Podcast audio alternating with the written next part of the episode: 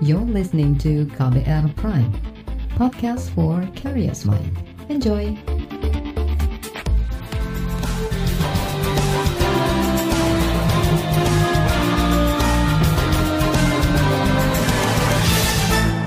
Halo saudara, senang sekali kami bisa menyapa Anda kembali dalam program KBR Sore untuk edisi hari ini, Kamis 24 September 2020. Saya, Sindu Darmawan, akan menemani Anda selama kurang lebih 30 menit ke depan. Kali ini kita akan membahas penerapan pembatasan sosial berskala besar PSBB di ibu kota DKI Jakarta yang hampir memasuki dua pekan. PSBB ketat di Jakarta kembali diberlakukan sejak 14 September lalu. Apa saja yang perlu diperbaiki dalam penerapan PSBB Jakarta di tengah tren peningkatan kasus COVID-19? Apakah perlu diperpanjang atau dihentikan? Bagaimana pula koordinasi Pemprov DKI dengan dua menteri, Luhut Binsar Panjaitan dan Doni Monardo, yang ditunjuk Presiden Joko Widodo sebagai komandan untuk menurunkan kasus positif di sembilan provinsi prioritas, termasuk Jakarta. Saudara, penularan kasus COVID-19 masih terus meningkat saban hari meski penerapan pembatasan sosial berskala besar PSBB Jilid 2 di DKI Jakarta telah berlangsung hampir dua pekan. Di tengah penerapan itu, klaster-klaster baru bermunculan, di antaranya klaster hiburan malam, hotel, dan pernikahan. Saat ini di Jakarta, total kasus positif COVID-19 mencapai 66.500-an orang, Total meninggal 1.650 orang dan total sembuh lebih dari 51.000 orang. Pemerintah Provinsi DKI Jakarta mengklaim terus berupaya maksimal untuk menurunkan kasus positif virus corona di ibu kota. Berikut penjelasan Wakil Gubernur DKI Jakarta, Ahmad Riza Patria, dilansir dari salah satu acara di televisi swasta. Yang pertama kami terus melakukan evaluasi setiap hari sesuai dengan unit masing-masing dan setiap minggu juga terus berkoordinasi rapat-rapat dengan pemerintah pusat, dengan para Menko, para menteri, dan juga termasuk dengan para gubernur, bupati, wali kota di tetangga daripada DKI Jakarta, Jawa Barat, Banten, dan lain-lain. Alhamdulillah kita terus melakukan berbagai upaya. Di antara upaya yang kami lakukan adalah satu, melakukan operasi justisi yang dilakukan oleh TNI Polri dan juga Satpol PP.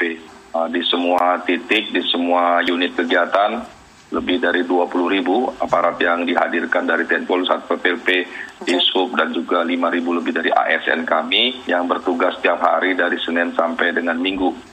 Yang kedua, upaya yang kami lakukan adalah terus meningkatkan sarana prasarana, uh, jumlah rumah sakit, uh, jumlah lab, jumlah ruang ICU, jumlah tempat tidur, kemudian juga termasuk dukungan obat-obatan dan logistik lainnya. Termasuk juga kita terus meningkatkan dan menambah jumlah uh, tenaga medis, termasuk perspesial dokter umum dan lain-lain. Prinsipnya berbagai upaya kita lakukan, juga terus uh, melakukan uh, revisi daripada peraturan-peraturan, menyempurnakan dari segala regulasi yang ada melalui pemerintah pusat, melalui pemerintah uh, provinsi dan lain-lain dan juga terus bersinergi dengan uh, kota Madya dan kabupaten di sekitar Jakarta. Itu tadi Wakil Gubernur DKI Jakarta Ahmad Riza Patria. Sementara itu anggota DPRD DKI Jakarta dari fraksi Partai Demokrasi Indonesia Perjuangan PDIP meyakini PSBB akan diperpanjang. Alasannya kata dia, karena Pemprov Jakarta belum memiliki formula yang tepat untuk mengendalikan penyebaran virus corona di ibu kota. Berikut pernyataan anggota DPRD DKI Jakarta dari PDI Perjuangan, Gilbert Simanjuntak, kepada jurnalis KBR, Reski Novianto. Kan hanya nomenklaturnya Bung Anies nih, hanya penamaan saja. Di dalam prakteknya, dia mengatakan total, kemudian dia bantah, dia mengatakan ketat, tetapi kemudian dia mengatakan lagi ini rem darurat. Tetapi kita tidak melihat di lapangan ada sesuatu yang bermakna, jadi lebih kuat retorikanya daripada operasionalnya. Nah, waktu lima kali periode transisi selalu kemudian kita lihat kenaikan, waktu itu saya sudah minta itu dievaluasi kenapa bisa begitu. Tetapi sampai kemudian muncul lagi nomenklatur baru mengatakan PSBB tahap kedua, hasil evaluasinya tidak muncul, sementara itu gagal dan diteruskan ke tahap kedua.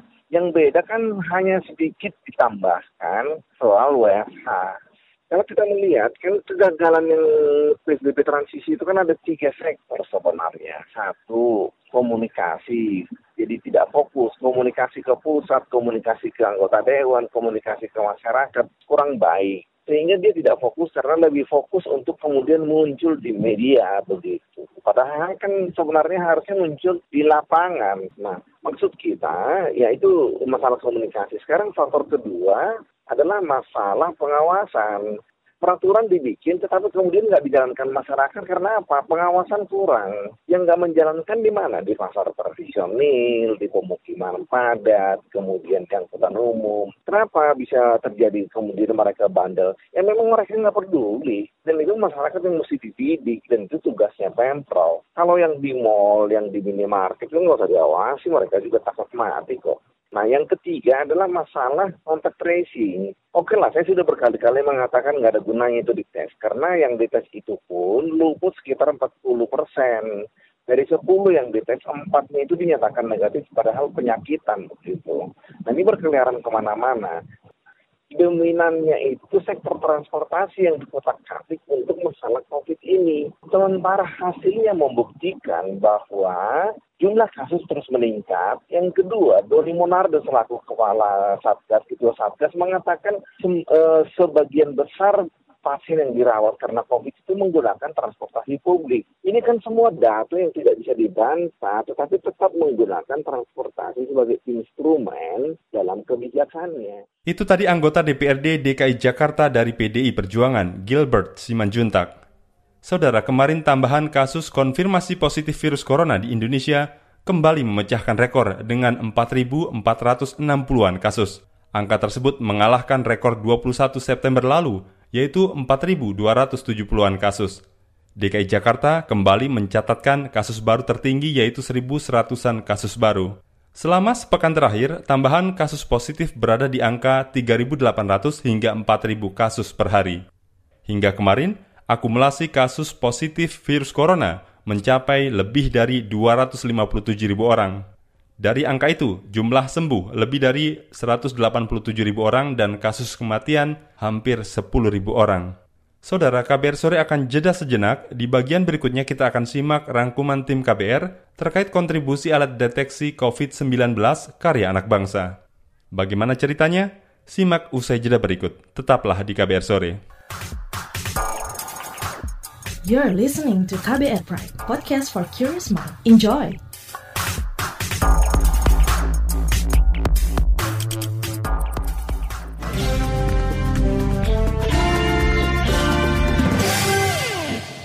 Kebutuhan akan tes COVID-19 yang akurat makin meningkat seiring meluasnya sebaran kasus. Namun akses warga terhadap tes usap berbasis PCR masih terbatas karena harganya mahal. Alat tes produksi dalam negeri pun terlihat belum signifikan kontribusinya. Simak laporan tim KBR yang dibacakan Astri Yuwanasari. Untuk swab belum ada info terbuka di mana kita mendapatkan swab gratis dan uh, bagaimana prosedurnya. Karena... Wiwik Astuti mengeluhkan sulitnya mendapat akses tes usap gratis. Pada 19 September lalu, ia terpaksa merogoh kocek pribadi melakukan tes usap di rumah sakit. Tes usap dilakukan karena ibunya yang tinggal satu rumah reaktif saat dites cepat. Alhasil, Wiwik harus rela membayar 1,6 juta rupiah untuk tes. Hasilnya keluar empat hari kemudian dengan hasil negatif. Kalau yang memiliki dana biasanya mereka melakukan swab mandiri dengan mendatangi rumah sakit yang menyediakan fasilitas tersebut. Tapi apabila kesulitan dana, kita harus cari-cari itu informasi uh, di mana kita bisa mendapatkan fasilitas tersebut. Dan biasanya tidak dalam waktu yang cepat untuk mendapatkan penanganan swab tersebut. Terbatasnya akses tes usap gratis atau setidaknya dengan harga terjangkau masih menjadi persoalan di Indonesia. Padahal, peran tes usap sangat krusial seiring makin meluasnya sebaran kasus COVID-19. Pemerintah mengklaim terus mengupayakan berbagai produk inovasi alat kesehatan untuk penanganan COVID-19 termasuk alat tes. Menteri Riset dan Teknologi Bambang Brojonegoro bersiap meluncurkan dua alat tes, yakni tes cepat berbasis antibodi dan antigen. Ia mengklaim dua alat tes terbaru ini lebih akurat, murah, dan waktu pemeriksaannya lebih singkat. Untuk yang antibodi saat ini sedang dikembangkan oleh BPPT dan sudah masuk istilahnya generasi kedua yang mudah-mudahan bisa segera diluncurkan ya mungkin uh, bulan depan.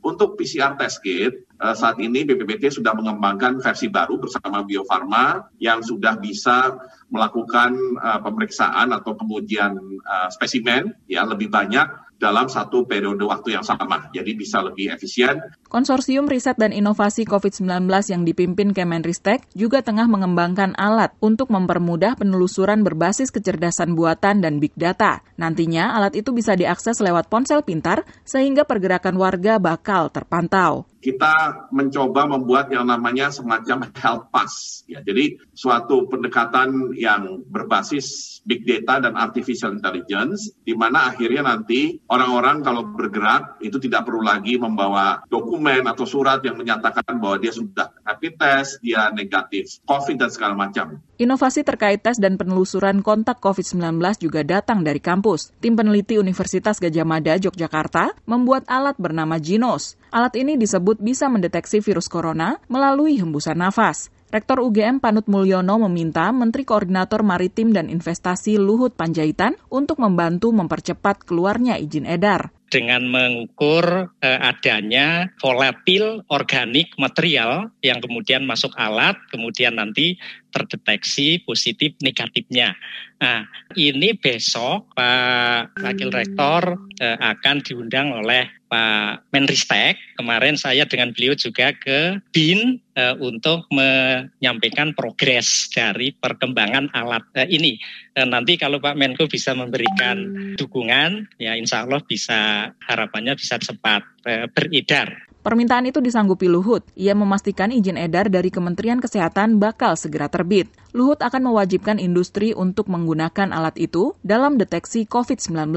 Kita pasti lakukan. Misalnya ini ada BPPT bikin rapid test. Sekarang saya wajibkan hukumnya untuk menggunakan rapid test itu. Nah, tapi kalau ini sekarang Genus ini dapat, nanti kita wajibkan industri lagi untuk menggunakannya. Sehingga dengan gitu atau semua orang turis yang datang ke Bali, turis yang datang ke Jogja atau sebagainya, itu menggunakan alat itu. Sementara itu Perhimpunan Rumah Sakit Swasta Indonesia Persi siap menggunakan alat kesehatan produksi dalam negeri. Namun syaratnya hasil uji klinisnya jelas dan sudah mengantongi izin edar. Sekjen Persi Lia Gardenia Parta Kusuma. Kalau Persi sih istilahnya gini, kalau memang ada barang reagensia atau atau apa pun ya yang memang kita bisa pakai dengan adanya misalnya sudah teruji, izin edarnya ada, harganya juga lebih murah, tentu Persi ya akan pilih yang itu gitu. Menurut Lia, alat deteksi COVID-19 produk lokal yang sudah beredar adalah alat tes cepat antibodi yang diberi nama RIGHA COVID-19.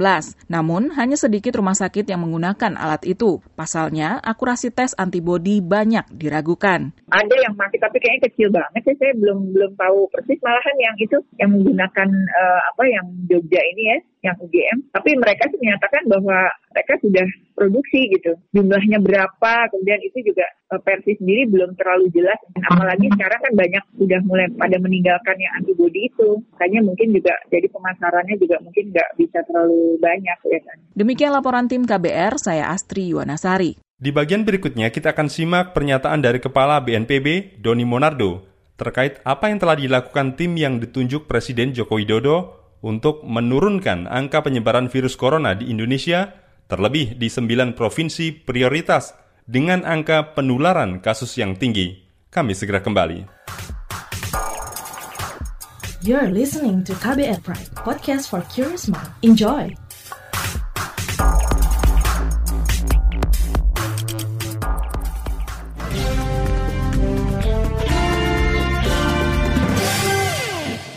Terima kasih Anda masih bersama kami di KBR Sore. Saudara, duet Menteri Koordinator Bidang Kemaritiman dan Investasi Luhut Binsar Panjaitan dan Kepala Badan Nasional Penanggulangan Bencana BNPB, Doni Monardo, yang ditunjuk Presiden Joko Widodo untuk menurunkan angka kasus penyebaran COVID-19 di sembilan provinsi prioritas dalam waktu dua minggu belum menunjukkan keberhasilan. Pasalnya, dalam satu pekan terakhir, kasus positif virus corona menembus angka 4.000 lebih. Apa tanggapan Kepala BNPB yang juga Ketua Satgas Penanganan COVID-19, Doni Monardo, terkait hal tersebut? Berikut pernyataan Doni Monardo saat rapat dengan Komisi Sosial DPR selasa pekan ini. Angka kasus aktif minggu ini berkurang dari minggu sebelumnya. Dari 25 persen menjadi 23,6 persen dari total kasus terkonfirmasi nasional. Angka kasus aktif nasional ini juga di bawah angka kasus aktif global 23,9 persen. Angka kesembuhan kita terus naik menjadi 75,5 persen. Dan kita juga terus bisa menekan angka kematian menjadi 3,9 persen pada awal kasus terjadi, angka kematian kita termasuk yang sangat tinggi di dunia, mencapai lebih dari 9 persen. Dan ini bisa ditekan terus sampai dengan 3,9 persen, dan kita berharap angka kematian yang terjadi secara fisik pun harus kita bisa tekan sebanyak-banyaknya berkurang, sehingga tidak ada lagi korban jiwa yang terjadi di tanah air. Angka kesembuhan nasional saat ini juga bisa kita pertahankan di atas rata-rata global 73, 73 persen. Hanya angka kematian kita yang masih sedikit di atas rata global yakni 3,1 persen. Ini sangat fluktuatif Bapak Pimpinan. Hari ini kita berada di atas global, tetapi kalau kita lengah saja sedikit, kita bisa di bawah global. Demikian juga uh, angka kasus terkonfirmasi positif sangat fluktuatif setiap harinya.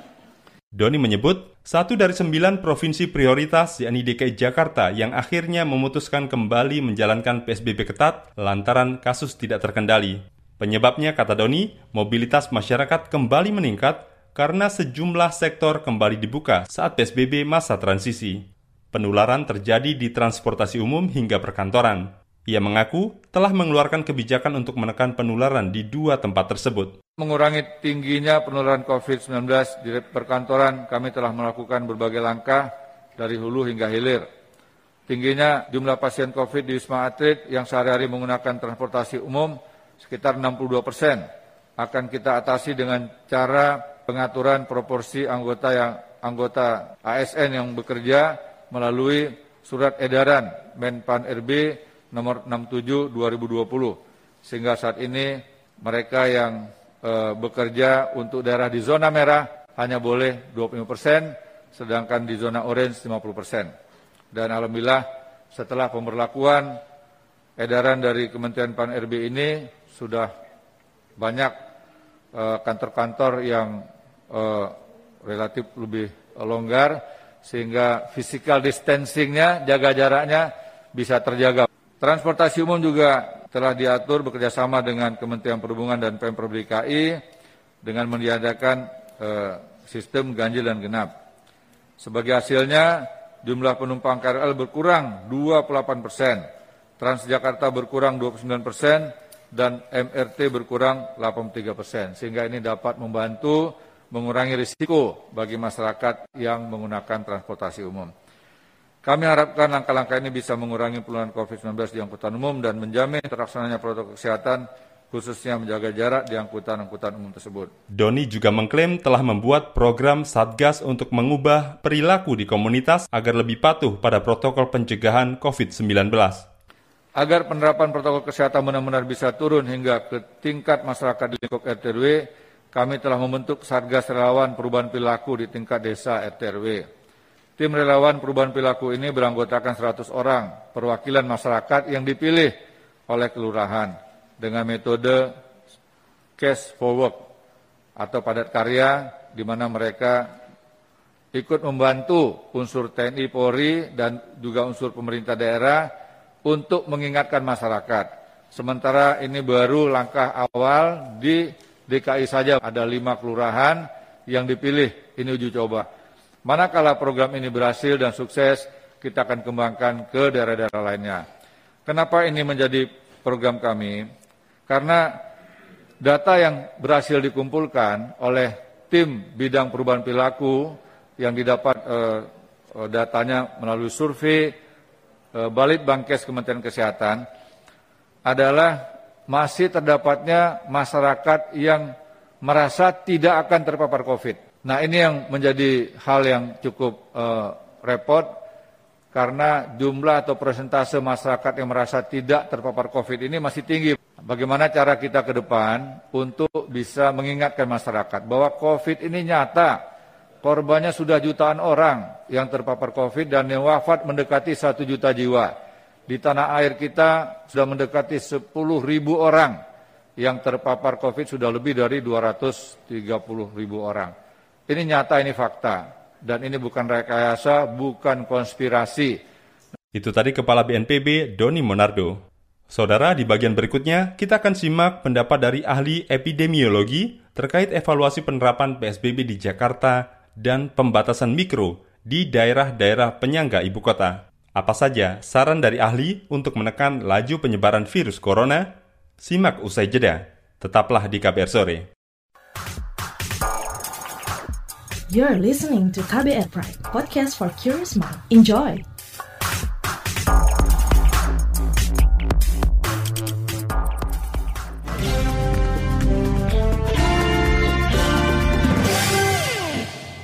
Anda masih mendengarkan KBR Sore. Saudara, epidemiolog Universitas Indonesia menilai pengetatan PSBB di DKI Jakarta masih tetap harus dilakukan. Pasalnya, hampir dua pekan PSBB ketat diberlakukan kasus harian di DKI Jakarta masih tinggi. Selengkapnya, simak wawancara jurnalis KBR Heru Haitami dengan ahli wabah Universitas Indonesia, Tri Yunis Miko Wahyono. Ya, Pak Tri, PSBB DKI Jakarta ini yang fase saat ini hanya dua pekan rencananya. Dan beberapa waktu yang akan datang akan dievaluasi. Nah, dari Anda sendiri catatan dan evaluasi untuk PSBB fase kali ini bagaimana? Jadi uh, dari PSBB yang ke episode 2 ini kelihatannya masih uh, peningkatan masih tinggi gitu tidak dapat mencegah pertambahan kasusnya untuk kapasitas pelayanannya gitu mhm. dan kemungkinan uh, wabah ke keduanya begitu uh, puncak wabahnya akan terlewati begitu jadi kalau nggak hati-hati uh, puncak wabah itu akan terlampaui kemudian uh, positivity rate masih tinggi, masih di atas 10 persen, uh, jadi belum ada perubahan begitu. Uh, walaupun mungkin uh, ada penurunan, tapi dikit banget begitu. Pak Tri ini kan melihat kondisi yang ada kemudian di DKI Jakarta beberapa hari ini kasus pun masih di atas seribu Pak. Nah kalau melihat iya, iya. kondisi seperti ini memungkinkan masih diperpanjang untuk PSBB fase ini? Ya jangan diperpanjang dengan uh, pertokohan dibuka. Kalau pertokohan dibuka, harusnya diwajibkan semua pertokohan pakai tabir. Uh, kemudian uh, mal-mal juga ada kasanya pada uh, penjajahnya wajib pakai face begitu. Tapi pada uh, kasusnya pakai tabir begitu. Kemudian uh, diperketatlah uh, uh, dipasang tabir-tabir di antara uh, pembeli dan uh, penjual begitu. Harusnya begitu. Pak untuk membuka beberapa sektor kemudian setelah evaluasi memang sudah memungkinkan Pak atau memang sebaiknya lebih diperketat lagi dulu saja? Ya, ya artinya kalau tidak mungkin uh, harus pasang tabir. Uh, menurut saya, jadi harusnya juga kemarin juga pada PSBB 2 udah dipasang tabir, tapi kan tidak terlihat pada pertokoan, pada mall begitu. Uh, apalagi pada tempat kerja kementerian. Uh, jadi ada orang kementerian yang terinfeksi, ada pertokoan yang terinfeksi, begitu ada pabrik yang terinfeksi, begitu. Jadi uh, ya masih banyak masalah lah begitu. Nah itu harus benahi pelan-pelan begitu. Oke, okay. artinya Pak untuk uh, mengambil keputusan untuk membuka sektor kan kita jika melihat pada saat PSBB pertama sudah mulai bagus sudah mulai terkendali tapi karena memang tidak hati-hati untuk mengambil keputusan melonggarkan akhirnya kembali meningkat gitu Pak. Iya betul. Jadi ya pelonggaran ini uh, boleh aja dilakukan ya dengan dengan uh, hati-hati begitu. Jadi kalau pasang tabir seharusnya menurut saya aman gitu. Jadi uh, tabir yang aman itu perlu di uh, disosialisasi begitu ke pedagang-pedagang begitu. Jadi kalau menurut saya uh, masih bisa dibuka asal dengan tadi kalau nggak pakai tabir tutup aja begitu. Selama ini dan juga untuk ke depannya agar PSBB juga lebih efektif lagi dan artinya tidak sia-sia untuk menekan penurunan kasus. Apa PR pemerintah dan terutama uh, DKI Jakarta yang menerapkan ini? Ya satu meningkatkan kepatuhan masyarakat untuk pakai masker, jaga jarak dan uh, cuci tangan pakai sabun. Kemudian uh, kedua uh, membenahi petokan-petokan agar pakai tabir. Uh, ketiga uh, kalau bisa uh, suspeknya itu uh, dia dilakukan uh, isolasi atau karantin, gitu, tepatnya karantina begitu. Ada suspek atau pada yang kontak, uh, kemudian uh, kan itu belum dikarantin tuh uh, pada suspeknya. Uh, kemudian uh, diyakinkan harusnya suspek seluruh suspeknya di karantina begitu. Nah, dibuat peraturannya, uh, peraturan gubernur atau uh, peraturannya agar mereka mau mengkarantina dirinya begitu. Itu tadi epidemiolog dari Universitas Indonesia, Triunis Miko Wahyono. Saudara, perbincangan tadi menutup jumpa kita di KBR Sore edisi Kamis 24 September 2020. Pantau juga informasi terbaru melalui website kbr.id, Twitter kami at berita KBR, serta podcast melalui kbrprime.id. Akhirnya, saya Sindu Darmawan, undur diri. Salam.